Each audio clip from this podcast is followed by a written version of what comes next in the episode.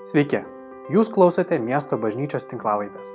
Pamokslas, kurį netrukus išgirsite, buvo įrašytas sekmadienio pamaldų metu.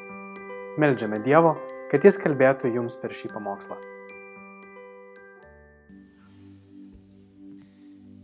Garbė Dievui Tėvui ir Sūnui ir Šventai Dvasiai.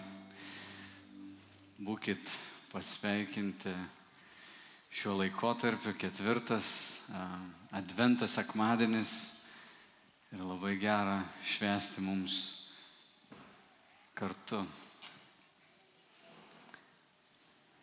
Kalėdos yra didysis Kristaus įsikūnymas. Dievas ateina būti su mumis ir tarp mūsų. Jis nėra toli, jis yra arti, arčiau negu mes įsivaizduojam. Apaštalas Jonas, pradėdamas Evangeliją, kurią norėjo pasidalinti su žmonėmis mintimi, kad kiekvienas galėtų patikėti ir suprasti, koks yra Dievo planas, būdamas gal 90 metų, gal, gal net a, vyresnio amžiaus, pradeda savo Evangeliją tokiais žodžiais. Pradžioje buvo žodis, tas žodis buvo pas Dievą ir žodis buvo Dievas. Jis pradžioje buvo pas Dievą. Per jį vis atsirado ir be jo neatsirado nieko, kas yra atsiradę. Jame buvo gyvybė ir gyvybė buvo žmonių šviesa. Šviesa šviečia tamsoje ir tamsa jos neužgožia. Buvo Dievo siūstas žmogus vardu Jonas. Jis atėjo kaip liudytojas, kad paliudytų apie šviesą ir kad visi per jį įtikėtų. Jis nebuvo šviesa, bet atėjo liudyti apie šviesą. Buvo tikroji šviesa,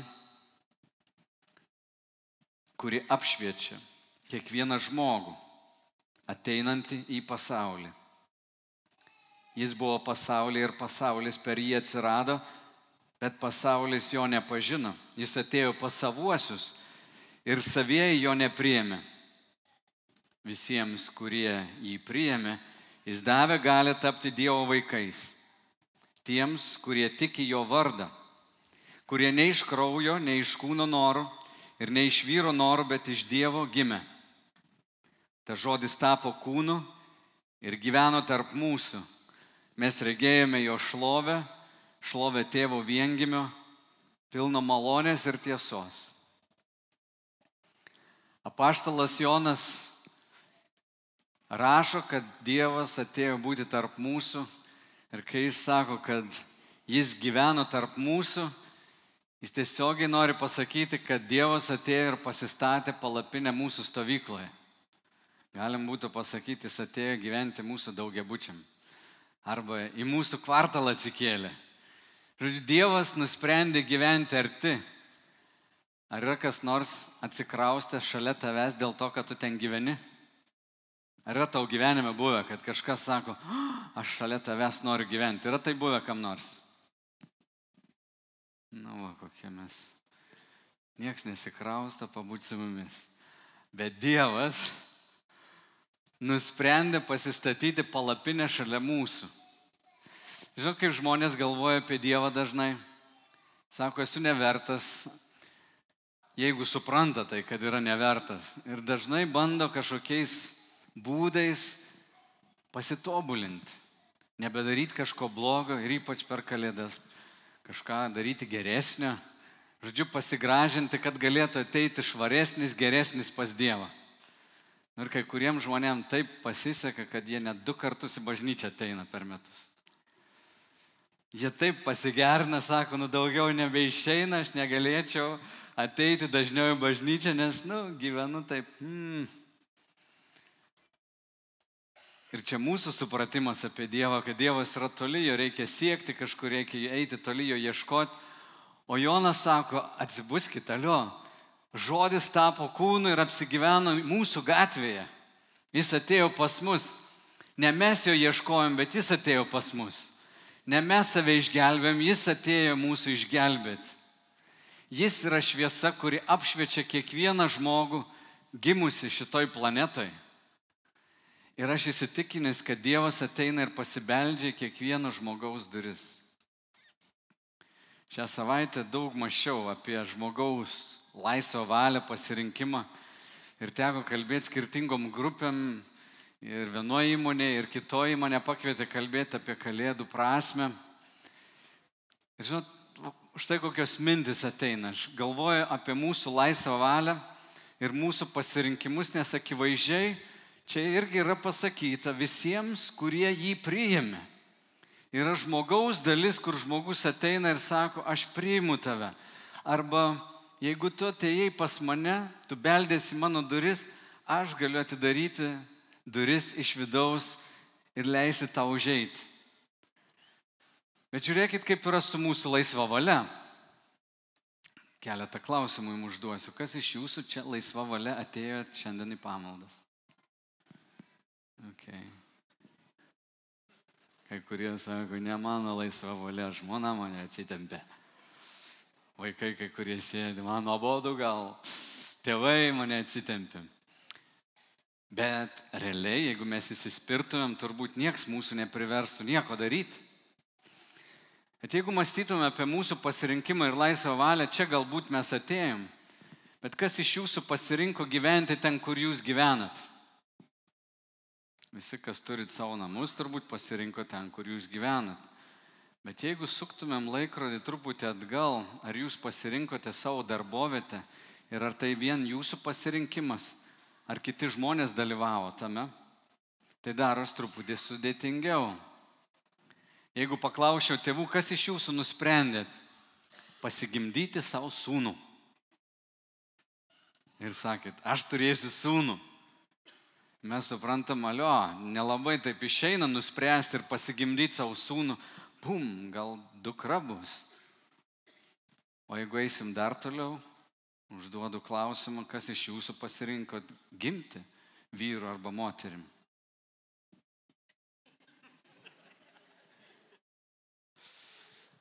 Ir akivaizdu, kad iš tiesų mes į šį pasaulį atėjom ne savo pasirinkimu. Tu nepasirinkai ateiti į šį pasaulį, tu aš nepasirinkom kokioj šeimoje gimsim, kokį kūną turėsim, kokios lyties būsim. Ir tada kyla klausimas, o kaip čia taip atsitiko ir yra tik du variantai. Vienas variantas, jeigu Dievas neegzistuoja, jeigu jo nėra, viskas vyksta kažkokiu atsitiktiniu būdu. Ir kažkaip žmonės gimsta, jie nusprendžia sukurti šeimą, vaikai gimsta, viskas juda. Levas Tolstojus tokią išvadą padarė savo gyvenime dar neįtikėjęs Dievo, buvo paragavęs visko - turtų, šlovės, Maskvoje, St. Peterburgė gyvendamas. Jis priejo tokios išvados - erdvės ir laiko begalybėje, be galo mažos detalės, be galo sudėtingai kinta. Kaip amerikonai sako, bla, bla, bla, bla, bla. Žodžiu, jis sako, viskas yra atsitiktinumas.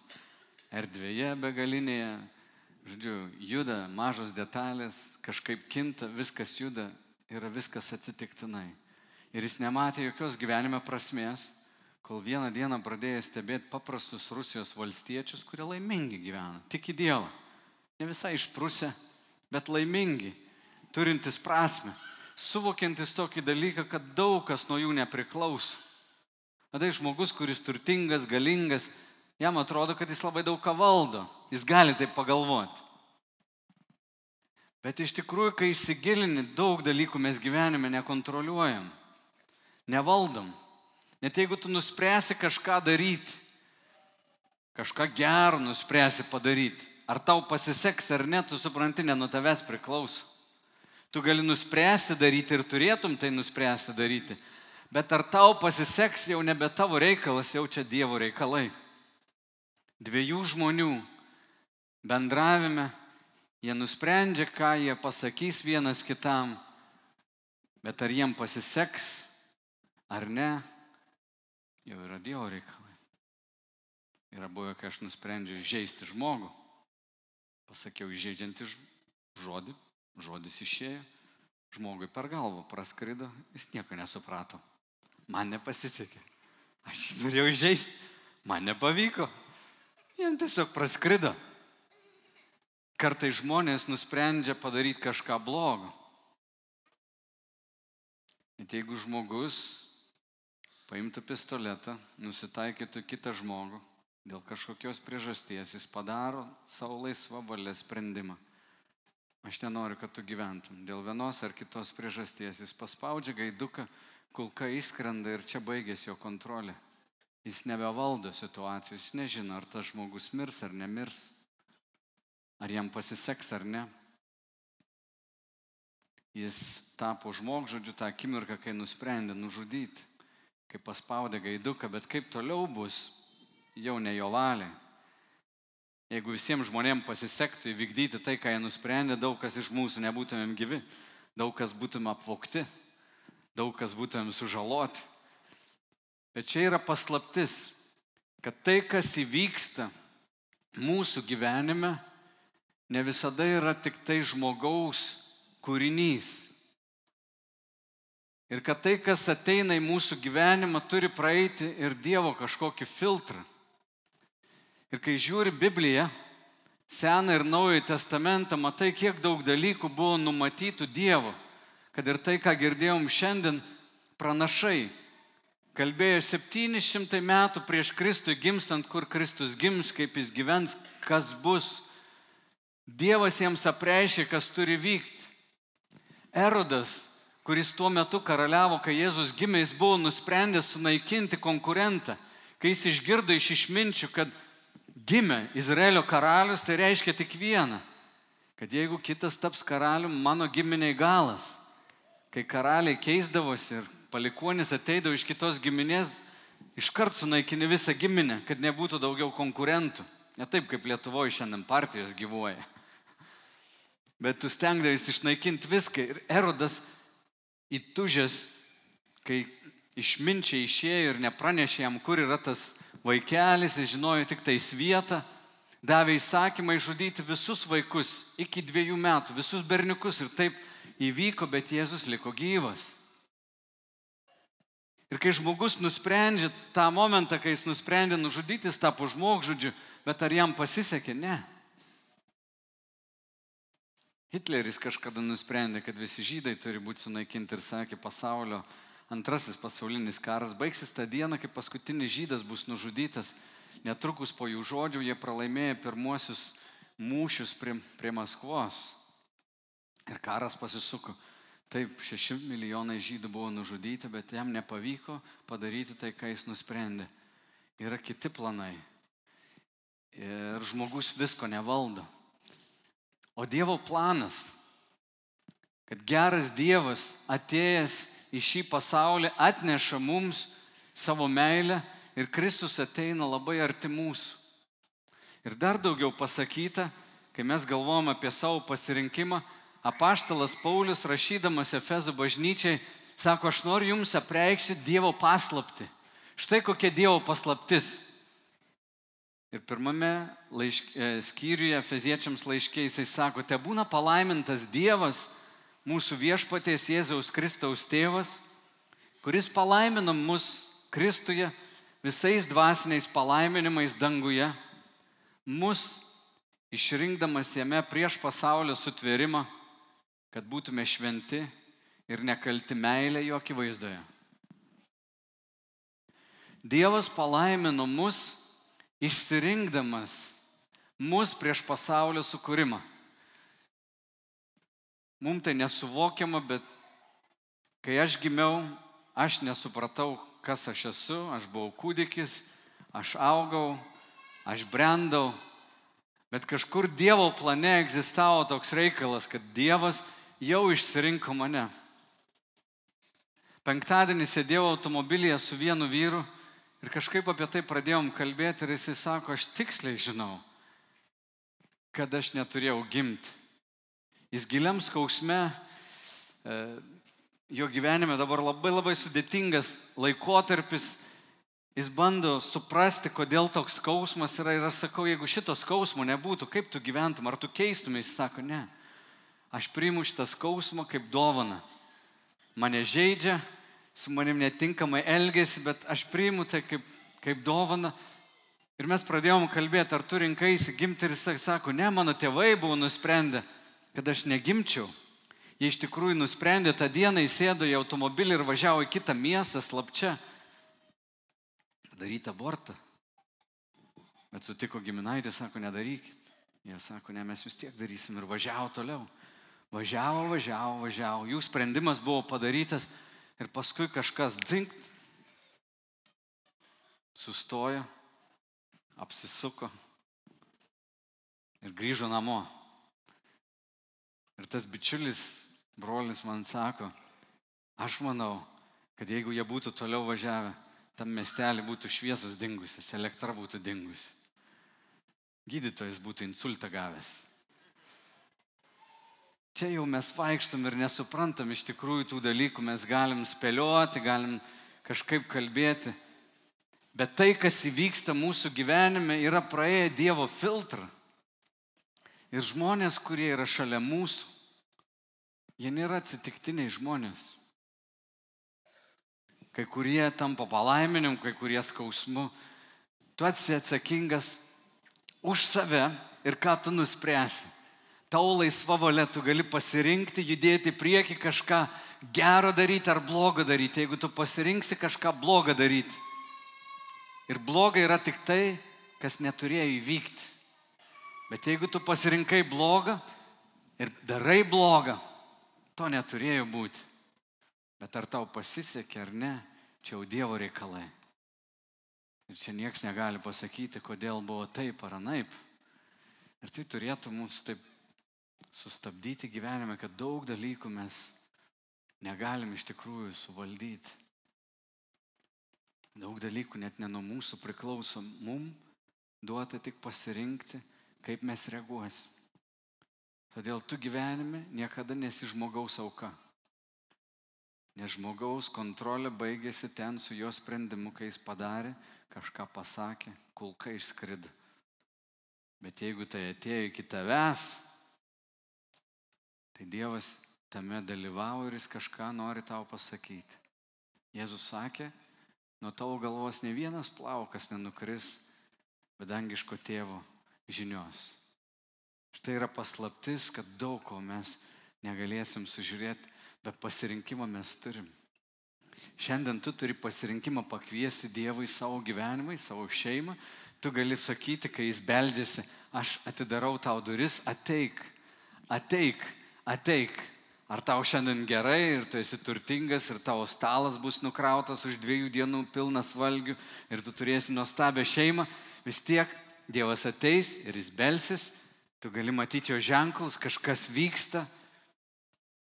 Ir kai jis belsis, kai tu išgirsi tą žinią, gal dabar Dievo dvasia beldžiasi tavo širdį ir nori tave pakviesti, jis pats nori užeiti.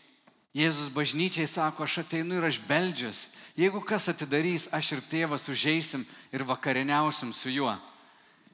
Dievas atėjo, pasistatė palapinę tarp mūsų, jis pasibeldžia ir jis yra tarp mūsų, kai mes jį pakviečiam, kai sakom, ateik, būk prie mūsų stalo, būk mano gyvenime. Aš nesu tobulas, aš nusprendžiu kartais daryti gerą, man išeina bloga, kartais noriu blogą padaryti, man neišeina blogą padaryti. Yes. Bet daug ko aš nes, nesuvaldau. Jis iš vidaus atėjęs mus pradeda keisti. Ir kalėdų istorija, nu tai nėra šiaip dar viena istorija apie kažkokius dievus arba kažkokį. Tai nėra sen, kalėdų senio istorija. Jeigu tu vis dar galvoji, kad tai, kas Biblijoje parašyta, yra, kaip žinai, Laplandijoje gyvena senelis, mes apgaudinėjom vaikus, bet kai jau jie paauga, tada sakom, jo, jo, jo nėra. Jo nėra. Ir, oi, čia vaikų yra. Atsiprašau, gal peržengiau ribas. Jis yra. Ne, jo. Gal aš peržengiau ribas. Bet mes kaip tikinti žmonės ir vaikams turėtum pasakyti, kas yra kas. Mano dukra, nežinau, čia kažkur irgi laksto, Sakau, ką tu nori šį vakarą išgirsti, pasaka ar istorija. Ir jinai gerai žino, istorija yra tai, kas įvyko, pasaka yra tai, kas sugalvojom. Ir prieš keletą vakarų jinai man kūrė pasaką ir jinai sukūrė man pasaką. Ir mes prieš miegą tiesiog pasiklausėm pasakos. Bet sakau, ar norėtum išgirsti istoriją ir aš pasakoju tai, kas įvyko Naujajam testamente, tai nėra tas pats. Tai yra istorija, kas įvyko ir yra liudininkai ir tai yra tikra. Ir kad Dievas siuntė savo sūnų, kad jis ateitų pas tave, kad galėtų tave apsikabinti, kad galėtų būti tavo šeimoje, tavo namuose, tai ne pasaka, tai yra istorija. Ir jinai yra gera istorija. Ir ką dar reiktų tau padaryti, kad tu įtikėtum, jog Dievas tave myli? Ką reiktų? Cirką padaryti? Ne. Jis atėjo ir apsigyveno. Ir šiandien tikėjimu mes priimam šitas gražias tiesas Jėzau. Tu esi gyvas, tu esi prisikėlęs. Ateik į mano namus, ateik į mano šeimą. Ateik būk su manim. Būk su manim. Aš noriu užbaigti šį pamokslą. Tokia malda, kad pakviestume Kristų, nes jis beldžiasi. Galbūt sėdi čia kažkas tave atsivedė ir tai nėra atsitiktinumas. Gal tu sėdi čia pirmą kartą klausaisi Evangelijos žinios, tos geros žinios, kad Dievas atėjo arti tavęs. Ir jis žiūri į tave, tu esi gražus, tu esi gražus. Jam tu esi brangus. Ir gal tu turi religinių minčių, kad ne, aš nepatinku net pats savo, kaip aš galiu Dievui patikti. Bet pagalvok, kai motina laukėsi kūdikio, jinai nesitikė, kad kūdikis kažkaip ją dabar įkvėps labai. Jinai jau nusprendė jį mylėti. Kai jinai laukė to kūdikio, nešiojo jį, jį jau padarė sprendimą. Jį jau padarė sprendimą, aš mylėsiu šitą vaiką, tai Dievo kodas. Taip Dievas sukūrė mus kurti irgi žmonės. Ir tai Dievo plano dalis. Ir kai Dievas žiūri į tave, jis sako, aš tave išsirinkau. Aš tave pamilau. Kol tu dar esi nusidėjėlis, aš tave išsirinkau mylėti ir visą gyvenimą mylėti. Ir tai nepasaka, tai yra tikra, nes jis ateina ir perkeičia mus iš vidaus, atgimdo mus iš dvasios. Ir kaip Jonas rašo, sako, tiems, kurie jį priėmė, kurie gimė ne iš kūno noro, ne iš kraujo noro, ne iš vyro noro, ne dėl sekso. Jie gimė iš Dievo, tokia Dievo valia. Ir kai mes patikim Jėzumi Kristumi kaip Dievo sunumi, gimsta tikėjimas vidu, viduje. Tai yra stebuklas. Ir mes sakom, Jėzau, ateik į mano gyvenimą ir išpažįstam į savo gyvenimo viešpačiu. Šitas kontraktas įvyksta tarp žmogaus ir Dievo. Jis užeina į žmogaus gyvenimą, tik jis negali ateiti, jeigu tu pasirinksi jo nepriimti. Ir aš noriu pakviesti visus mus tiesiog užmerkti akis, galbūt nulenkti galvas ir pakviesti Dievą. Jeigu tu niekada to nedarėjai, tu esi toks brangus jam. Aš negaliu žodžiais to išreikšti. Aš matau šventame rašte, kaip Dievas pamilo tave, kaip jis išsirenka žmogų prieš pasaulio sukūrimą. Jis žinojo, kad tu gimsi, kai tavo tėvai dar to nebuvo suplanavę. Tai yra Dievo išmintis, tai yra Dievo reikalas. Jis tave išsirinko ir tu neatsitiktinai čia. Kviečiu tave atsiverti, atsiliepti jo kvietimą. Pasakyk jam pašnipždomis ar tyliai mintimis viešpatė Jėzų. Ateik į mano gyvenimą. Nuplauk mano nuodėmes. Noriu priklausyti tau. Ateinu, koks esu. Nenoriu likti toks, koks esu. Suteik man amžiną gyvenimą. Būk mano viešpats tikiu tavo gimimu, mirtimi ir prisikėlimu. Būk mano viešpats. Būk mano viešpats. Pasakyk jam tai. Būk mano viešpats. Prašau.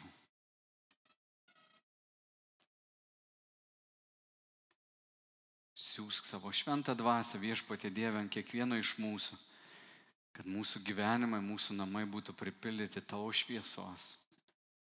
Jokia tamsa negali užgošti tavo šviesos. Tavo karalystė yra neskubanti, bet nesustabdoma. Mes dėkojom tau Dievę, kad siuntei savo sūnų Kristų, mūsų atpirkti iš mūsų nuodėmių ir suteikė mums amžiną gyvenimą. Tau vienam atiduodam garbę, padėką ir visą šlovę. Tu vienas vertas gyriaus, ne joks žmogus, tu vienas vertas gyriaus. Amen. Amen. Ačiū, kad klausėte. Daugiau informacijos apie miesto bažnyčią rasite internete www.m-b.lt arba Facebook, Instagram bei YouTube paskiruose.